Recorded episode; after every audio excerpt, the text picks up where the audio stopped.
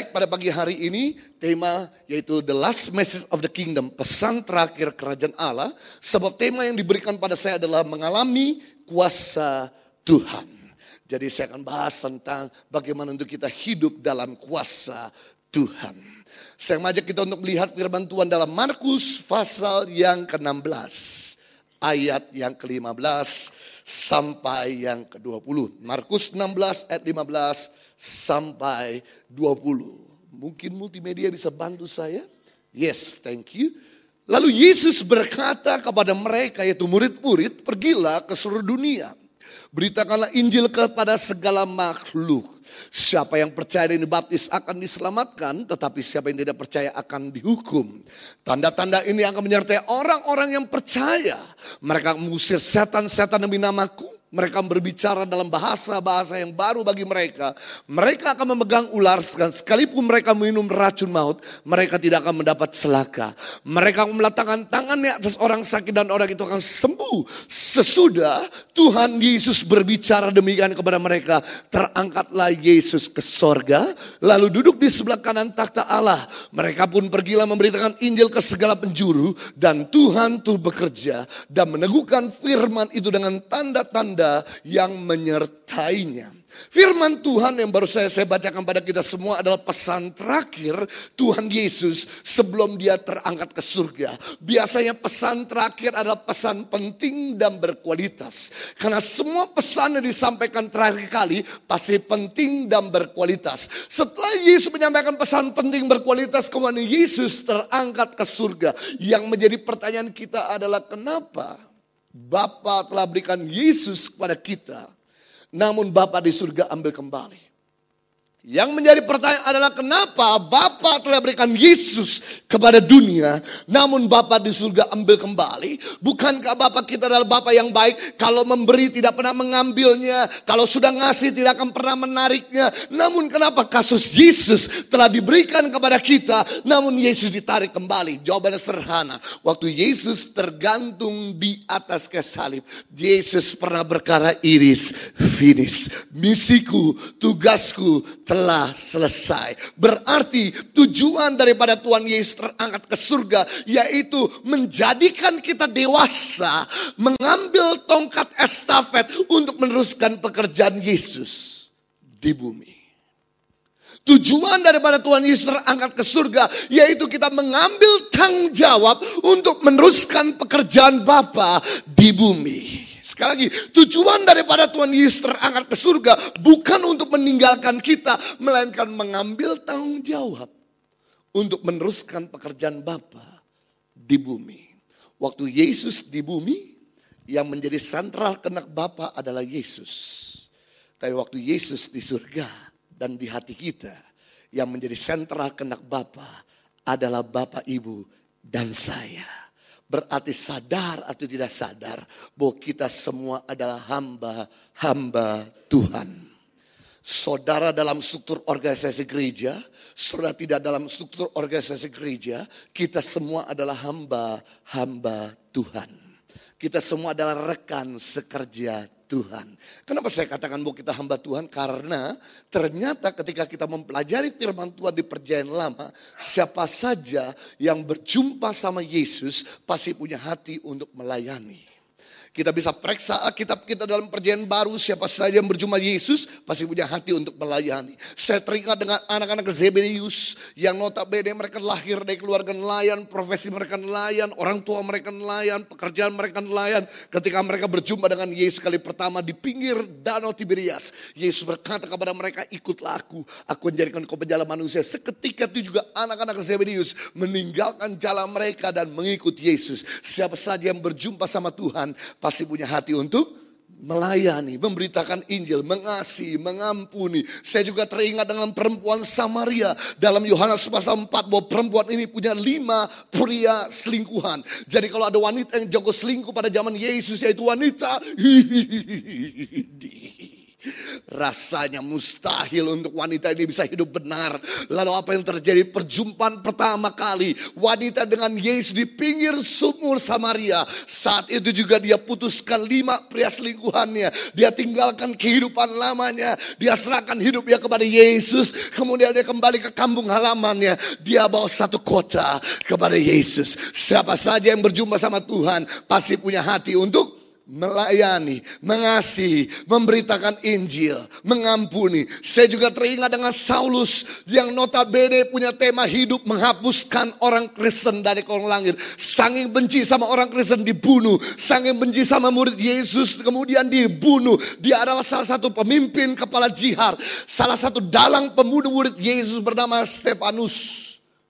Dalam perjalanan Saulus menuju kota Damaskus untuk membantai orang-orang Kristen di kota Damaskus. Tiba-tiba Saulus berjumpa dengan terang yang besar dan terang itu Yesus sendiri berkata, "Saulus, Saulus, mengapa engkau menganiaya aku?" Saat itu juga dia putuskan niatnya membantai orang Kristen. Kemudian dia serahkan hidupnya kepada Yesus dan kemudian dia melanjutkan perjalanan ke kota Damaskus. Tapi kali ini bukan membantai orang-orang Kristen, melainkan memberitakan kabar baik. Siapa saja yang berjumpa sama Yesus Yesus pasti punya hati untuk melayani, mengasihi, mengampuni. Nah harusnya setiap kali kita pulang gereja, Bapak, Ibu, Bro, and sahabat saya. Harusnya kita punya hati lebih besar untuk mengasihi orang.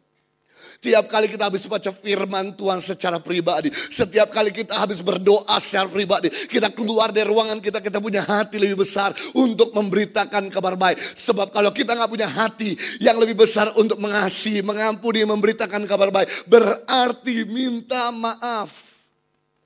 Ada sesuatu yang ganjil dalam perjumpaan kita dengan Tuhan. Ada sesuatu yang cacat dalam perjumpaan kita dengan Tuhan. Karena harusnya setiap kali kita ketemu sama Tuhan, kita punya hati yang lebih besar untuk mengasihi, melayani, mengampuni dan memberitakan kabar baik. Yang mengerti beri tepuk tangan yang meriah buat Raja kita. Tidak banyak orang tahu Tuhan Yesus. Berarti perlu ada yang memberitahu. Tidak banyak orang tahu Tuhan Yesus. Berarti kita yang tahu wajib memberitahu kepada mereka yang tidak tahu siapa itu keselamatan. Seorang penginjil terkenal bernama Reinhard Bonnke pernah berkata, dalam satu hari di dunia ini ada 35 ribu orang mati tanpa kenal Tuhan Yesus. Setiap hari di dunia ini ada 35 ribu orang mati tanpa kenal Tuhan Yesus. Berarti tadi malam kita memejamkan mata untuk tidur dan tadi pagi kita buka mata untuk siap-siap pergi ke gereja tanpa kita sedari jeda antara sebelum kita tidur dan sesudah kita tidur ada 35 ribu orang sebesar stadium bola sedang ngantri menuju api neraka. Reinhard Bonke berkata, sedikit sekali hamba Tuhan, sedikit sekali orang Kristen yang mau mencegah mereka, mau memberitahu kabar baik buat mereka, yang mau merebut mereka agar mereka jangan binasa. Sedikit sekali hamba Tuhan, sedikit sekali orang Kristen yang sudah dibaptis, yang penuh roh kudus ya, sudah melayani di, di, di gereja, yang mau memberitahu kabar baik buat mereka agar mereka jangan binasa. Seandainya kita semua ada di sepatu mereka yang sedang antri menuju api neraka, tentu kita mengharapkan mengharapkan ada orang yang merebut. Tentu kita mengharapkan ada orang yang mencegah. Tentu kita mengharapkan ada orang yang memberitahu kabar baik agar kita jangan binasa. Ketahui bahwa sahabat kita, teman kita, keluarga kita, mereka sedang menantikan kabar baik yang keluar dari hidup dan perkataan kita. Sebetulnya saya senang sekali dengan mulut orang Indonesia. Karena mulut orang Indonesia itu ember, bocor mulut. Artinya tidak bisa menyimpan rahasia yang baik. Kalau ada makanan yang enak langsung diceritakan. Kalau ada tempat lokasi yang baru langsung diposting. Rasanya memang orang Indonesia suka bercerita. Kalau ada sesuatu yang baru. Pengen up to date. Pengen terkinian sekali. Saya teringat sekali tahun 2006. Pertama kali saya pergi ke kota Medan. Yang jemput saya bapak-bapak asli Chinese dari Medan. Itu tahun 2006. Dan kemudian Bapak ini berkata, Bapak Pendeta jujur sebelum Anda pergi pelayanan, saya mau ajak Anda makan kue tio Medan. Karena kue tio Medan adalah kue tio paling enak sedunia. Saya bilang Bapak minta maaf saya tinggal di Kelapa Gading kota Jakarta. Kelapa Gading itu terkenal dengan bakmi di mana-mana dan kue tio di mana-mana. Jadi jangan ajak saya lagi makan kue tio. Udah hampir tiap hari makan kue tio dan bakmi. Bapak, kue tio di Medan lebih enak di Kelapa Gading. Coba dulu berkomentar. Bapak, adakah menu yang lain supaya saya bisa mencoba? Coba dulu berkomentar. Sebagai hamba Allah kita cinta damai yang suka bertengkar, apalagi berdebat, apalagi pukul-pukul mimbar. Kemudian saya menyerahkan hidung saya dicucukkan dan dibawa ke mana dibawa pergi. Sampailah di rumah kan kue tio Medan. Begitu muncul itu kue tio dipiring dengan wajah coklat pucet-pucet dalam hati saya. Wajahnya kurang menarik. Kata Tuhan makan dengan ucapan syukur nggak usah menggerutu. Kemudian ketika saya mulai berdoa dan kemudian saya mulai makan selembar, dua lembar, tiga lembar, empat lembar pelan-pelan. Saya terangkat ke surga. Saya merasa hadirat Tuhan begitu kuat. Menjamah usus dan lambung saya. Sehingga mekar dan saya berkata Bapak boleh nambah satu piring lagi. Enak juga ini benda ajaib. Sejak hari itu saya jadi jemaat setia di Kue Medan. Harus hadir setiap kali saya pergi ke sana. Wow saya senang sekali. Dengan mulut orang Indonesia suka menceritakan makanan enak. Empat bulan kemudian saya pergi lagi kota yang sama. Empat bulan kemudian saya pergi ke kota Medan lagi. Kali ini yang jemput saya bapak-bapak asli Batak dari pohon. Kemudian bapak ini berkata, Bapak Pendeta Jojo sebelum Anda pergi pelayanan saya mau ajak Anda makan BPK. Saya bilang minta maaf Pak, saya sudah menyelesaikan sekolah saya di BPK Penabur. Jangan ajak saya lagi pergi ke BPK. Bapak BPK itu bukan BPK Penabur, BPK artinya babi panggang karo. Oh, saya bilang minta maaf pak. Saya ini lebih suka makan sapi daripada makan babi. Anda coba dulu. Ini makanan paling enak sedunia. Di Sumatera Utara paling terkenal. Menu yang sangat spesial di kota ini. Coba dulu berkomentar. Biasa orang Batak ngomong baik-baik udah kayak maki-maki minta maaf. Orang Batak tuh kalau ngomong semangat, kerja semangat, ngomong kerja nyanyi semangat, tidur semangat Bapak Ibu. Sebagai hamba Tuhan kita harus cinta damai. Kemudian saya menyerahkan hidung saya dicucukkan dan dibawa ke Madede Borgi. Sampai di rumah makan lapu. Sampai di rumah makan BPK dan kemudian ketika muncul potongan babi panggang tersebut. Munculnya seperti koin 500 perak kecil-kecil. Lah saya biasa makan daging 500 gram. Atau minimum 300 gram. Ini dikasih daging kira-kira cuma 5 gram. Aduh dalam hati saya. Dia nggak tahu badan besar perut besar dikasih daging kecil. Kata Tuhan makan dulu kalau kurang kau tambah. Iya juga, betul juga. Kemudian kita mulai berdoa dan saya mulai makan potongan-potongan babi panggang tersebut. Tiba-tiba surga terbuka. Elia dan Musa turun sama-sama saya. Dan kemudian usus saya lambung saya mekar. Saya berkata, Bapak ini enak sekali makanan. Boleh saya nambah lagi dua piring dan saya bawa oleh-oleh buat istri dan anak-anak saya. Sejak hari itu Bapak, Ibu dan sahabat saya. Ternyata paradigma saya berubah. Ternyata sapi pendek lebih enak daripada sapi tinggi. Saya senang sekali dengan mulut orang Indonesia. Karena mulut orang Indonesia paling suka menceritakan makanan enak. Tapi Bapak, Ibu, dan sahabat saya, jangan cuma ceritakan makanan enak. Karena makanan enak lezat sementara, ceritakanlah Yesus. Lezat selama-lamanya. Mari kita lihat firman Tuhan di dalam Matius 24 dan 14 dan Injil. Injil bicara kabar baik kerajaan ini akan diberitakan di seluruh dunia menjadi kesaksian bagi semua bangsa. Sesudah itu barulah tiba kesudahannya. Saya senang sekali Yesus berkata begini, satu nubuatan. Injil kabar baik, keselamatan harus disampaikan pada setiap manusia baru kesudahannya tiba. Berarti Yesus sedang memberitahu pada kita semua kesudahan tidak akan pernah tiba. Kalau kabar baik tidak didengar pada setiap telinga, berarti Tuhan kita adalah Tuhan yang maha adil. Katakan maha adil. Kemahaadilan Tuhan itu begini, Bapak, Ibu, dan sahabat saya. Tuhan Yesus itu tidak akan pernah datang kali kedua pagi ini, saat ini, hari ini sebelum dia datang kepada orang yang belum pernah dia jumpai. Sekali lagi ini keadilan Tuhan. Tuhan Yesus tidak akan datang pagi ini, hari ini, saat ini menjemput kita sebelum dia datang kepada orang yang belum pernah dijumpai. Tidak adil kalau Tuhan itu datang saat ini menjemput kita. Sedangkan orang di sebelah kita belum pernah Tuhan jumpai. Sedangkan kita udah berkali-kali berjumpa sama Tuhan. Itu sebabnya Tuhan tuh berjanji. Kabar baik harus disampaikan pada setiap telinga. Barulah kesudahannya tiba. Berarti yang mempercepat kedatangan Tuhan kali kedua. Sebenarnya bukan malaikat dan bukan surga. Yang mempercepat kedatangan Tuhan kali kedua sebenarnya saudara dan saya. Semakin cepat kita memberitakan kabar baik, semakin cepat pula Tuhan datang kali kedua. Semakin lambat kita memberitakan kabar baik, semakin lambat pula Tuhan datang kali kedua. Saya bersyukur dengan adanya teknologi. Membuat Injil bisa diberitakan lebih cepat dan lebih luas. Namun masalahnya di Indonesia ini nggak semua daerah bisa masuk teknologi. Nggak semua daerah bisa masuk listrik dan signal telepon. Berarti kan perlu ada orang yang pergi ke sana. Saya ingat beberapa tahun yang lalu, saya pergi ke kota Merauke, yang jemput saya kemudian mengajak saya untuk uh, membawakan sampaikan seminar materi firman Tuhan pada hamba-hamba Tuhan. Setelah itu saya kembali lagi ke bandara untuk ke Jakarta, harus transit di Jayapura. Namun pada waktu saya mau uh, masuk ke pesawat saya dicegat sama ex Bupati Mapi. Bekas Bupati Mapi. Mapi adalah satu kabupaten di Papua Selatan yang sangat tertinggal. Dan bupati ini berkata, mantan bupati ini berkata, Bapak Pendeta Jojo, setelah mendengar apa yang Anda lakukan pada anak-anak di Papua, anda memberikan pendidikan, Anda memberikan pakaian, Anda memberikan makanan bergizi.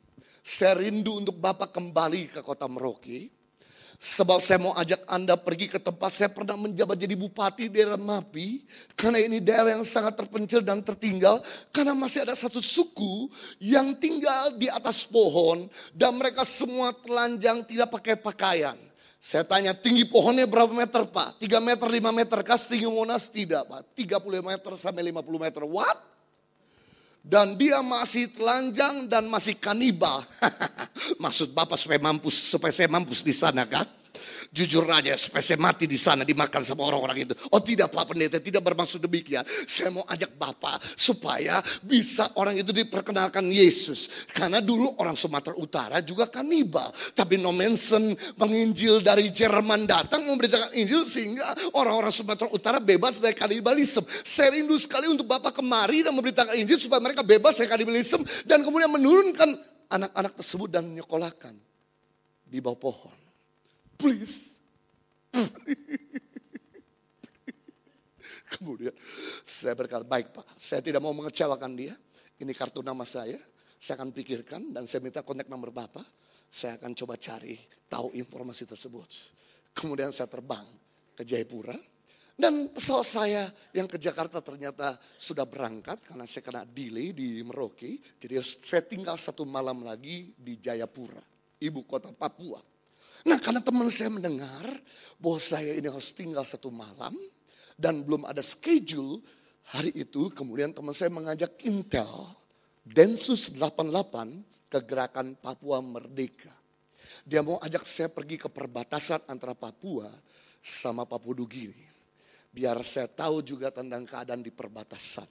Karena Papua Nugini adalah satu negara yang bebas senjata dan bebas ganja. Makanya kenapa kegerakan Papua Merdeka ini dapat senjata itu dari Papua Nugini. Karena Papua Nugini adalah satu negara yang mahal biaya hidupnya. Jadi sering kali mereka barter dengan penduduk Indonesia.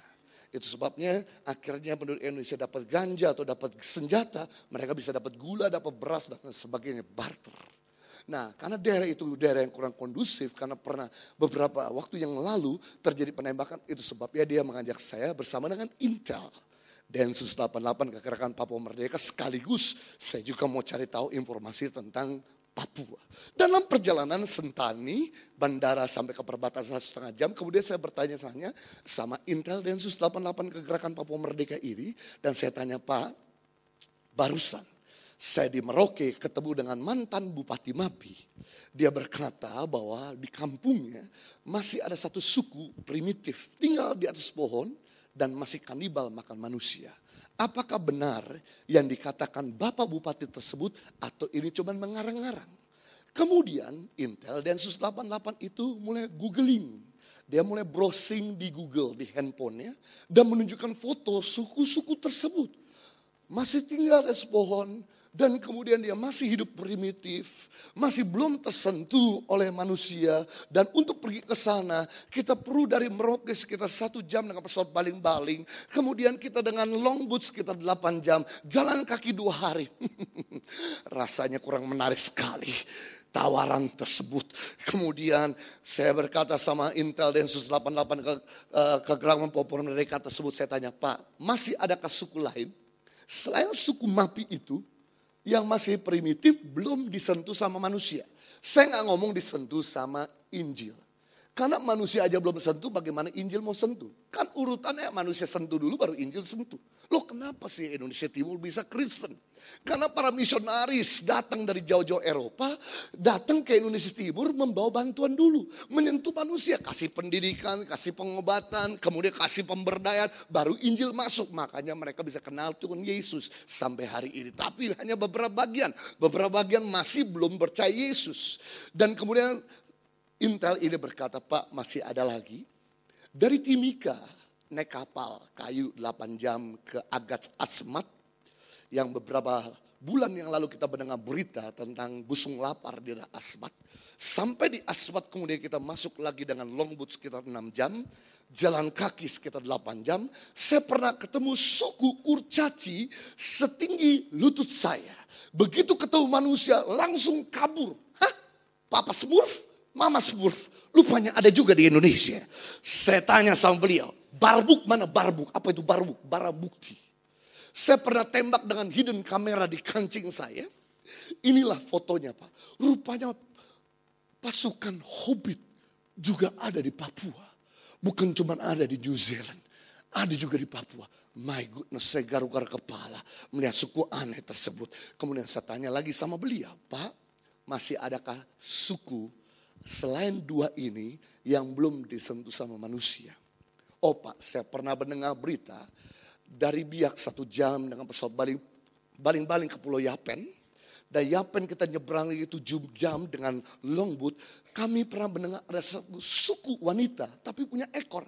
Hah? Sunggokong juga ada rupanya di Indonesia. Bapak ibu sahabat saya, saya pulang ke Jakarta ambil geger otak. Karena kita punya PR banyak sekali. Sejak hari itu saya nggak bisa tinggal diam.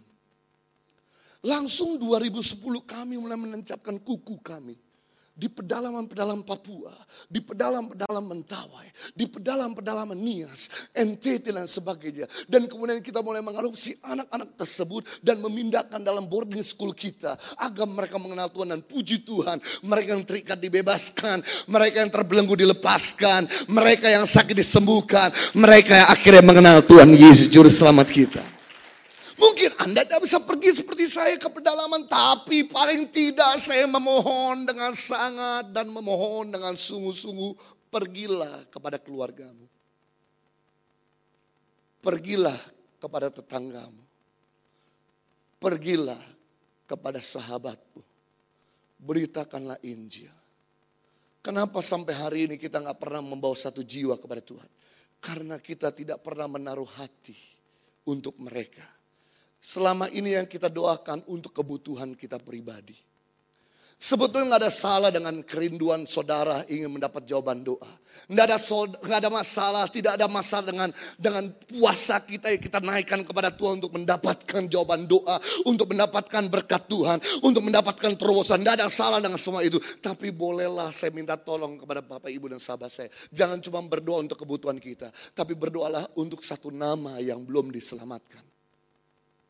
Berdoalah untuk satu jiwa yang belum kenal Tuhan. Makanya kenapa sampai hari ini kita mendapatkan jawaban doa apa yang kita butuhkan, tapi kita tidak pernah mendapatkan jawaban doa untuk jiwa-jiwa. Karena kita nggak pernah berdoa buat jiwa-jiwa.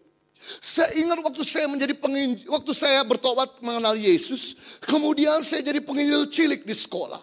Dan kemudian saya beritakan Injil sampai kemudian singkat cerita, teman-teman di kelas menerima Yesus singkat cerita. SMP, SMA kelas 2, teman satu kelas sudah terima Yesus, tidak ada lagi yang gak terima Yesus. Eh tiba-tiba Tuhan kirim ada satu perempuan datang masuk ke kelas saya dan kemudian saya injilin dia, saya bawa ke Tuhan dan kemudian akan bertobat dan sekarang jadi istri saya. Ini mekanismenya, bawa dulu ke orang baru bawa ke kita. Jangan bawa ke kita dulu baru bawa orang ke Tuhan. Dan kemudian setelah itu kami pindah ke Australia. Nah sampai di Australia saya jadi penginjil juga. Kemudian teman-teman di sekolah di kampus saya menangkan. Dan singkat cerita dalam enam bulan saya nggak dapat jiwa. Saya mulai berdoa puasa. Saya berdoa puasa Kira-kira waktu itu ambil waktu 72 jam non-stop, berarti tiga hari. Yang saya minta cuma satu Tuhan. Saya nggak minta hikmat, saya nggak minta berkat. Yang saya minta jiwa-jiwa. Kirimkan jiwa-jiwa kepada aku Tuhan. Baru 24 jam berdoa.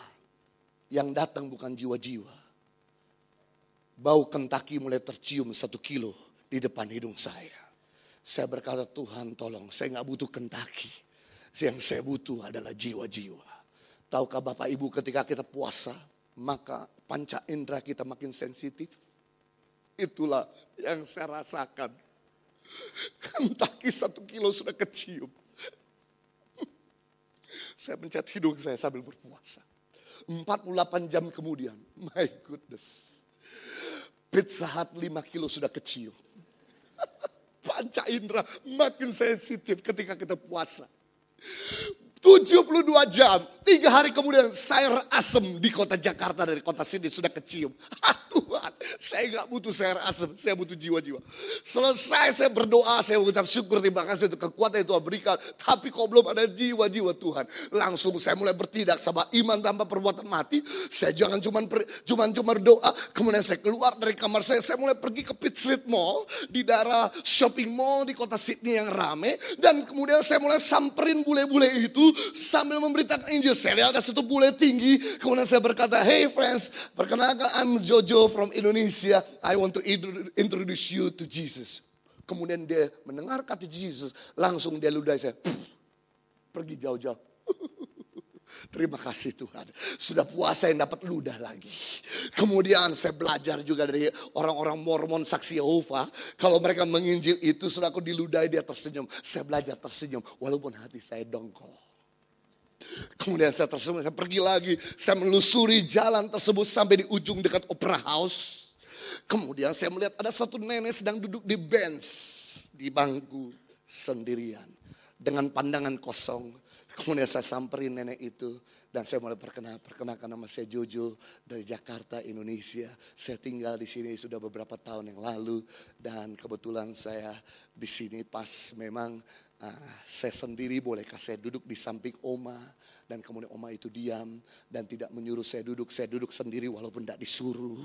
Kemudian saya langsung perkenalkan Oma jangan khawatir. Dalam hidup ini memang punya masalah. Tapi di tengah-tengah masalah di dunia ini juga ada Tuhan yang bisa memberikan jawaban doa buat masalah kita. Yesus satu-satunya Tuhan dalam hidup Oma. Tiba-tiba Oma ini menangis dan menetes air mata. Anakku nggak peduli, cucuku meninggalkanku, tinggal aku sebatang kara di sini. Saya jangan khawatir Oma, Yesus tidak pernah tinggalkan Oma. 24 jam 7 hari dia siap selalu melayani kita. Saya telah jauh dari Tuhan. Berapa tahun yang lalu saya telah pergi dari gereja dan tidak lagi masuk gereja. Jangan khawatir. Yesus mengasihi Oma, menerima Oma apa adanya. Saat ini kembalilah kepada Yesus. Maukah Oma mengundang Yesus? Oma itu menangis. Langsung saya membawa Yesus. Langsung saya mem mem mem membimbing dia untuk bisa membawa Yesus dalam hidupnya. Luar biasa di tengah-tengah orang sedang foto-foto selfie dengan Opera House. Dengan Harbor Bridge. Oma ini menerima Yesus sebagai Tuhan dan Juru Selamat. Saya melihat Bapak Ibu. Kenapa selama ini kita nggak pernah dapat jiwa-jiwa? Karena kita nggak pernah serius berdoa. Karena kita nggak pernah serius untuk berpuasa. Itu sebabnya saya minta, boleh kita berdoa untuk kebutuhan. Tapi tolong sisipkan satu nama yang belum mengenal Yesus. Supaya lewat hidup kita banyak jiwa-jiwa yang kita bawa kepada Tuhan. Yang mau beri tepuk tangan yang meriah buat Tuhan kita. Bahkan Yesus memerintahkan lima kata pergi berulang-ulang. Berarti kalau Yesus memerintahkan kata pergi berulang-ulang berarti perintah itu penting. Kalau Yesus mengulang kata pergi berulang-ulang karena kita sering lupa. Kalau Yesus memerintahkan kata pergi berulang-ulang, Tuhan tahu kita keras kepala, makanya diulang. Dan anehnya kata pergi yang Yesus sampaikan, yang Yesus pesankan dia taruh di pasal terakhir dan ayat-ayat menjelang terakhir. Biasanya pesan terakhir ada pesan penting dan berkualitas. Semua pesan yang disampaikan terakhir penting pasti berkualitas. Semua pesan disampaikan terakhir pasti penting dan berkualitas. Mari kita lihat di sini yaitu Matius 28 ayat 19. Matius 28 pasal terakhir 19 ayat, satu ayat sebelum terakhir. Karena itu pergilah, jadikanlah semua bangsa muridku dan baptislah mereka dalam nama Bapa dan Anak dan Roh Kudus. Si kita bisa melihat Tuhan Yesus memerintahkan kita untuk pergi. Berikutnya Markus 16 ayat 15. Markus 16 pasal terakhir, 15 empat ayat sebelum terakhir. Lalu ia berkata kepada mereka, pergilah ke seluruh dunia, beritakan Injil kepada segala makhluk. Berikutnya, Lukas pasal 24 ayat 47. Lukas 24 pasal terakhir, 47 beberapa ayat sebelum terakhir. Dan lagi dalam namanya, berita tentang pertobatan dan pengampun dosa harus disampaikan kepada segala bangsa mulai dari Yerusalem. Yang saya kaget ketika saya baca ayat-ayat ini, Ternyata Yesus itu lebih banyak memerintahkan murid-muridnya pergi daripada kumpul. Yesus itu lebih banyak memerintahkan kita pergi daripada kumpul. Yang menjadi pertanyaan bagaimana dengan Anda? Apakah Anda lebih banyak pergi atau lebih banyak kumpul? Kita boleh sekali-kali kumpul di gereja, di komsel, untuk di charge, untuk dilengkapi, untuk dimotivasi. Lalu setelah itu kita lebih banyak ada di lapangan. Karena mobil atau sepeda motor dia sekali-kali kumpul di bengkel. Untuk diservis dan diganti oli. Setelah itu 5.000 sampai 10.000 kilo dia lebih banyak ada di lapangan. Mobil atau sepeda motor dia sekali-kali kumpul di pom bensin. Untuk diisi bahan bakar. Lalu 300 sampai 500 kilo, dia lebih banyak ada di lapangan. Seandainya kita menemukan mobil atau sepeda motor yang selalu di bengkel, pasti mobil dan sepeda motor itu mobil sepeda motor yang rusak. Sama hal ya. Tuhan perintahkan kita untuk pergi. Jadi berkat. Jadi saksi. Jadi garam dunia. Jadi terang dunia. Tapi kita selalu kumpul, kumpul, kumpul. Jangan-jangan saudara orang Kristen yang bukan saya mengatakan, tapi saudara yang mengatakannya. Kenapa sering kali kita sakit hati? Karena kita nganggur. Orang kalau nganggur pikirannya ke mana-mana. Tapi orang kalau sibuk bawa orang kepada Tuhan. Beritakan Injil. Jadi berkat. Jadi terang. Nggak ada waktu untuk sakit hati sama orang. Kenapa orang iri hati? Karena nganggur. Coba kalau orang itu sibuk. Nggak ada waktu untuk iri hati sama orang lain. Kenapa orang jatuh dalam dosa? Karena nganggur. Kalau orang itu sibuk tidak mungkin dia jatuh dalam dosa. Daud setelah habis doa pagi. Setelah dia habis baca firman. Setelah dia habis nulis lagu. Dia perintahkan semua laki-laki untuk pergi bertempur. Dan waktu setelah itu. Daud tinggal laki-laki seorang diri di kota Yerusalem. Di istana Daud semuanya perempuan. Laki-laki sedang pergi bertempur. Dia bosan dengan lihat perempuan yang ada di istananya. Kemudian dia pergi jalan-jalan ke balkon. Dan waktu dia pergi jalan-jalan ke balkon, dia lihat semua kota di Yerusalem isinya wanita. Pas jarak antara istana Daud, satu lemparan batu adalah rumah Betseba. Dia lihat Betseba sedang mandi. Kemudian apa yang dilakukan? Mulai pikiran ke mana-mana. Dia tiduri isi orang dia dia bunuh suaminya. Harusnya Daud tidak perlu jatuh dalam dosa. Seandainya Daud waktu itu sibuk berkarya. Karena Daud nganggur, maka Daud dapat kesempatan jatuh dalam dosa. Penting di sini Bapak, Ibu dan sahabat saya untuk kita jangan nganggur. Berapapun usia kita, berapapun kita punya kekuatan dan energi, mari kita giat terus melayani orang, jadi berkat buat orang, bawa orang-orang kepada Tuhan, perkenalkan Yesus kepada orang sekitar kita, maka dosa tidak punya kesempatan hadir dalam hidup kita. Yang percaya beri tepuk tangan yang meriah buat Raja kita. Berikutnya Yohanes pasal 15 16 bukan kamu yang memilih aku tetapi akulah yang memilih kamu dan aku telah mendapatkan kamu supaya kamu apa? Pergi dan menghasilkan buah dan buahmu itu tetap supaya apa yang kau minta kepada Bapa dalam namaku diberikannya kepadamu. Yesus mengajarkan rumus dalam berdoa. Rumus dalam berdoa yang Yesus ajarkan artinya begini, doa yang powerful, doa yang penuh jawaban. Doa yang penuh dengan terobosan. Yang pertama, rumusnya adalah pergi. Yang kedua, menghasilkan buah. Dan yang ketiga, buahmu itu tetap berkepanjangan dihasilkan. Maka apa saja yang kau minta Bapak berikan. Berarti kalau kita nggak pernah pergi, kita selalu kumpul dan tidak pernah berbuah dan tidak ada buah yang tetap. Maka apa saja kita minta Bapak tidak pernah berikan. Kenapa sampai hari ini doa kita buntu? Rasa yang langit berubah jadi tembaga, tanah berubah jadi besi. Apa yang kita tanam tidak pernah tumbuh, apa yang kita doakan tidak pernah terjadi. Karena kita tidak pernah pergi dan berbuah. Berbuah dalam perjanjian baru mengandung tiga arti. Berbuah dalam perjanjian baru mengandung tiga arti. Yang pertama, berbuah bicara soal jiwa-jiwa. Sudahkah ada satu anggota keluarga kita yang kita bawa kepada Tuhan? Tujuan Tuhan menyelamatkan kita lebih dulu. Tuhan mau pakai kita untuk menyelamatkan yang lain. Jadi jangan senang kalau kita tuh diselamatkan. Senanglah kalau kita bisa menyelamatkan yang lain. Jangan bangga kalau kita itu diberkati. Banggalah kalau kita bisa memberkati orang lain. Jangan puas kalau kita itu sarjana. Puaslah kalau kita bisa mensarjanakan orang lain. Jangan senang kalau kita tuh sehat. Senanglah kalau kita bisa menyehatkan orang lain. Karena itu goal kekristenan. Goal kekristenan bukan diberkati tapi jadi berkat jadi buah yang pertama bisa jiwa-jiwa. Sudahkah ada temanmu di kampus? Teman kita yang ada di tempat pekerjaan. Yang kita sudah perkenalkan kepada Yesus. Seandainya kita ada di sepatu mereka. Seandainya kita ada di posisi mereka. Yang belum kenal Yesus. Tentu kita mengharapkan teman kita bisa memberitakan kabar baik kepada kita. Sama hal sebenarnya keluarga, sahabat, tetangga, pegawai, pemimpin, mereka sedang menantikan kabar baik yang keluar dari hidup dan perkataan kita. Berikutnya berbuah, yang kedua bicara soal perubahan hidup.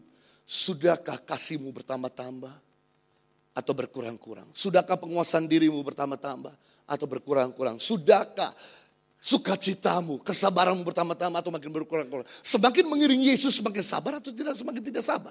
Semakin mengiring Yesus semakin bisa menguasai diri atau semakin tidak bisa menguasai diri. Karena harusnya kalau kita semakin ikut Tuhan, semakin bisa menguasai diri. Maka saya heran kalau ada orang Kristen yang sudah ikut Tuhan, sudah melayani, susah mengampuni. Berarti ada sesuatu yang cacat. Ada yang ganjil dalam perjumpaan kita dengan Tuhan. Karena harusnya semakin kita mengikuti Tuhan, semakin kita bertumbuh dalam karakter. Berikut yang ketiga, kata berbuah artinya menjadi saluran berkat. Menjadi saluran berkat. Karena setiap pohon yang berbuah yang lain nikmati. Tidak ada satu pohon di dunia ini yang makan buahnya sendiri. Pernah lihat pohon apel makan buahnya sendiri? Pernah lihat pohon duren makan buah sendiri? Minta maaf, manusia punya anak masih bisa jual anaknya. Hewan punya telur masih bisa makan telur ya.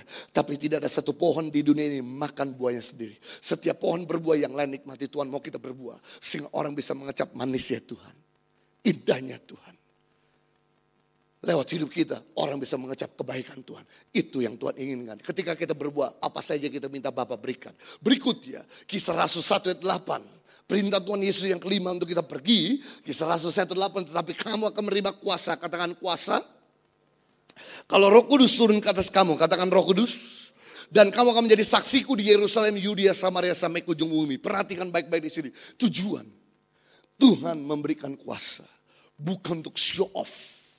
Pamer di depan orang. Bahwa saya punya Tuhan yang besar. Tapi tujuan utama. Dia memberikan kuasa kepada kita. Agar kita efektif. Menjadi saksi.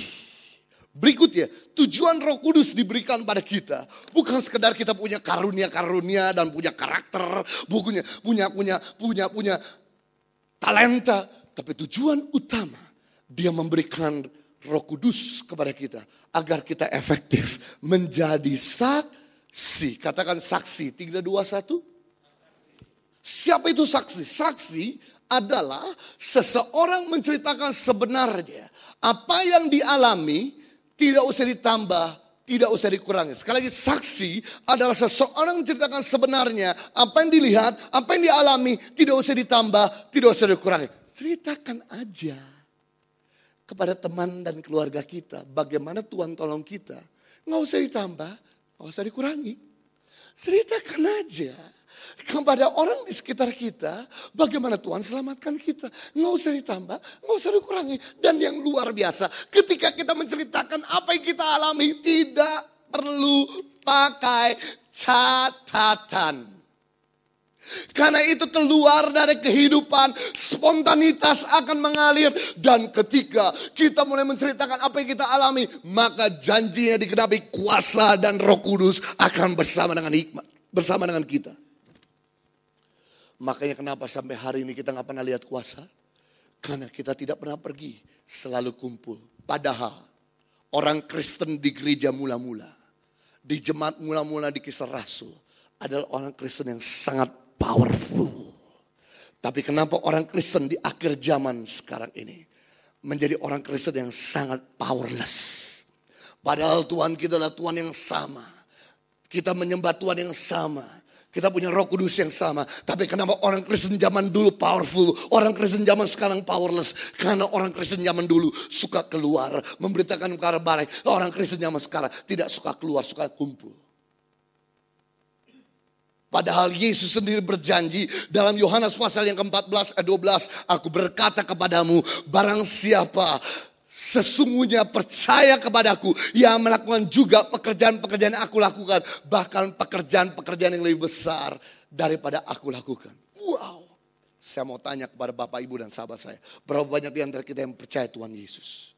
Yesus berkata begini, barang siapa percaya kepada aku, ia akan melakukan perkara-perkara yang aku lakukan. Bahkan pekerjaan-pekerjaan yang lebih besar dari aku lakukan. Bukan berarti kita lebih hebat dari Yesus. Artinya begini, karena time frame Yesus tinggal di bumi terbatas. Cuman 33 setengah tahun. Sedangkan time frame kita tinggal di bumi lebih panjang. Berarti kita bisa melakukan pekerjaan lebih banyak dari Yesus lakukan. Kalau Yesus bisa membangkitkan orang mati dua. Kepala rumah ibadat, anak kepala rumah ibadat, anak Yairus dan Lazarus. Kita bisa bangkitkan orang mati puluhan dan ratusan.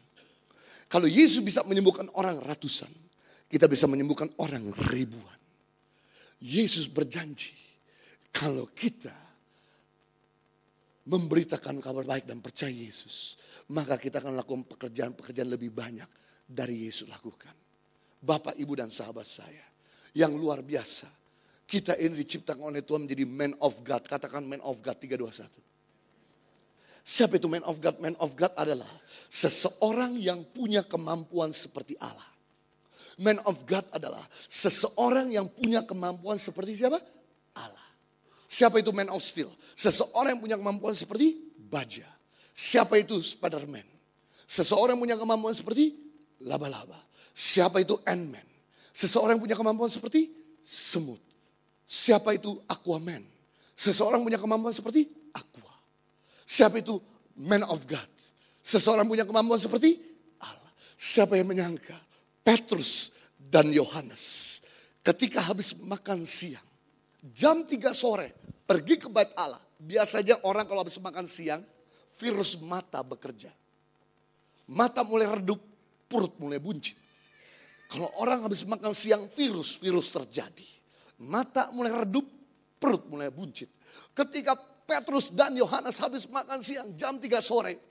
Dalam keadaan mata seperti mata Garfield ngantuk. Kemudian dia dalam pergi berjalan ke bait Allah. Tiba-tiba dicegat sama beggar, peminta-minta, pengemis yang lumpuh sejak lahir.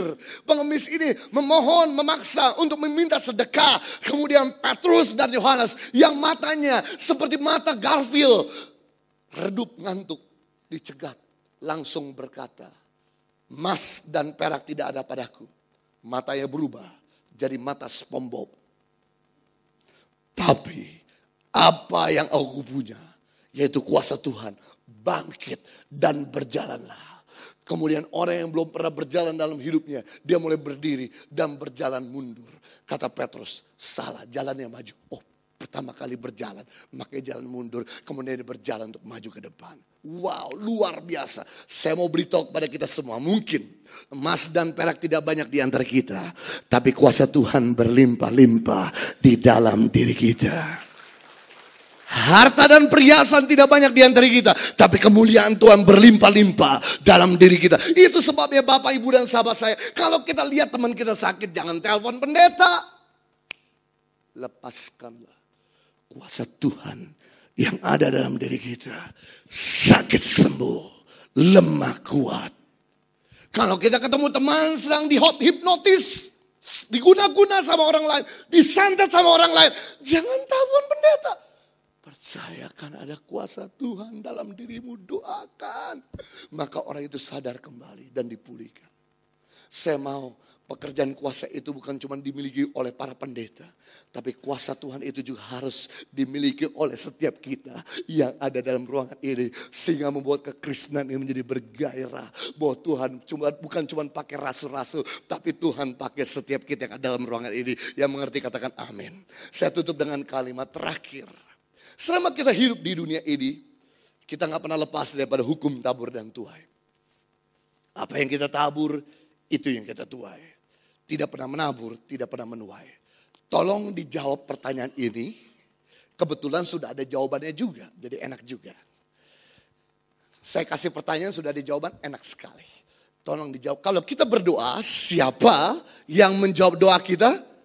Tuhan. Yes, cool. Anak sekolah minggu biasa juga bisa jawab. Berikutnya saya balik, kalau Tuhan yang berdoa, siapa yang menjawab doanya? Wah, kok ragu-ragu cuma di depan kita. Yang di tengah dan belakang tidak beri jawaban. Bukankah dari awal saya sudah katakan bahwa kita ini mitra Tuhan? Kita ini rekan sekerja Tuhan? Kita ini adalah kepanjangan tangan Tuhan yang dahsyat Bapak, Ibu, dan sahabat saya. Kalau Tuhan mau bekerja khusus di bumi, dia selalu memakai manusia. Dia tidak pernah turun tangan sendiri. Beda ketika dia bekerja di Saturnus, di Pluto, atau di Mars, ataupun di planet yang lain. Tapi khusus waktu Tuhan mau bekerja di muka bumi ini, dia selalu pakai manusia. Waktu Tuhan mau menyebut nama-nama binatang, dia pakai Adam dan Hawa. Waktu Tuhan mau menyelamatkan Erba, dia pakai Nuh. Waktu Tuhan menyelamatkan bangsa Israel dari perbudakan, dia pakai Musa. Waktu Tuhan mau menyembuhkan orang sakit, dia pakai Petrus. Waktu Tuhan membangkitkan orang mati, dia pakai Rasul Paulus. Sama hal. Waktu Tuhan mau menyembuhkan teman kita, dia pakai kita. Waktu Tuhan mau menyelamatkan teman kita, dia pakai kita. Amazing. Kita rekan sekerja Tuhan. Makanya Santo Agustinus pernah berkata ini. Kita tidak bisa lakukan apa-apa tanpa Tuhan. Tapi Tuhan tidak mau melakukan apa-apa tanpa kita. Sekali lagi saya ulangi. Kita tidak bisa melakukan apa-apa tanpa Tuhan. Tapi dengar baik-baik. Tuhan tidak mau melakukan apa-apa tanpa kita. Jadi kalau Tuhan mau bekerja di bumi ini, dia selalu memakai kita. Katakan kiri kanan, you are partnernya Tuhan. Kamu partnernya Tuhan. Katakan kiri kanan, kamu adalah mitranya Tuhan. Berikutnya, tolong dijawab pertanyaan ini. Kalau kita minta sesuatu, siapa yang memberi? Tuhan. Berikutnya, kalau Tuhan minta sesuatu, siapa yang memberi? Wah makin cerdas. Berikutnya, kalau Tuhan minta sesuatu, sorry, kalau Tuhan minta kita tidak jawab, maka pada saat kita minta, Tuhan pun tidak akan jawab. Adil atau tidak adil? Cengli atau tidak cengli? Cengli. Waktu Tuhan minta kita nggak kasih. Saat kita minta Tuhan pun tidak kasih. Kenapa sampai hari ini doa kita buntu? Karena kita tidak pernah memberikan apa yang menjadi permintaan Bapak. Karena kita tidak pernah menjawab apa yang jadi kerinduan Bapak. Tahukah Bapak, Ibu dan sahabat saya? Kerinduan Bapak cuma satu. Kerinduan Yesus cuma satu. Dalam 2 Petrus pasal 39 tidak susah, tidak berat, tidak mahal.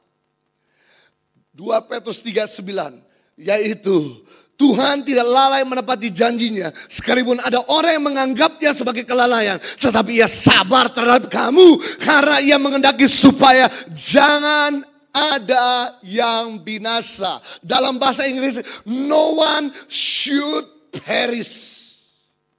Kerinduan hati Bapa di surga. Jangan ada anggota keluargamu yang binasa.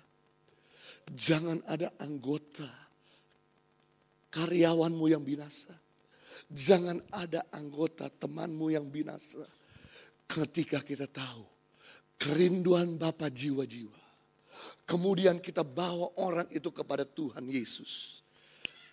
Alkitab berkata, satu orang diselamatkan, seisi warga kerajaan Allah bersuka cita. Jadi bagaimana membuat Tuhan bersuka cita? Bukan cuma nyanyi-nyanyi, tapi bawa satu jiwa kepada Tuhan. Ini yang membuat Tuhan dan kerajaannya bersuka cita. Kalau Tuhan bersuka cita, maka dia akan memberikan tips dan upah yang besar kepada kita sebagai anak-anaknya. Namun sebaliknya, kalau kita datang kepada Tuhan, selalu meminta, memohon dan berkata, Tuhan dompet saya kosong tolong diisi. Tuhan tolong berikan uh, saya keturunan. Tuhan berikan saya pasangan hidup. Tuhan berikan saya berkat. Nggak ada salah dengan doa-doa itu. Tapi saya putar sebentar otak kita. Tolonglah, kalau datang sama Tuhan, jangan selalu ngemis. Karena hubungan kita sama Tuhan, bukan hubungan antara majikan sama pengemis. Hubungan kita sama Tuhan, hubungan bapak sama anak. Anak kalau datang sama bapak, nggak selalu ngemis, kasih sesuatu. Tolonglah, kita datang sama Bapak, bawa jiwa-jiwa teman kita, bawa pegawai kita, bawa pemimpin kita, bawa teman kita. Ketika harta raja dipuaskan, maka dia akan memuaskan. Kita semua punya kebutuhan. Yang mengerti katakan amin.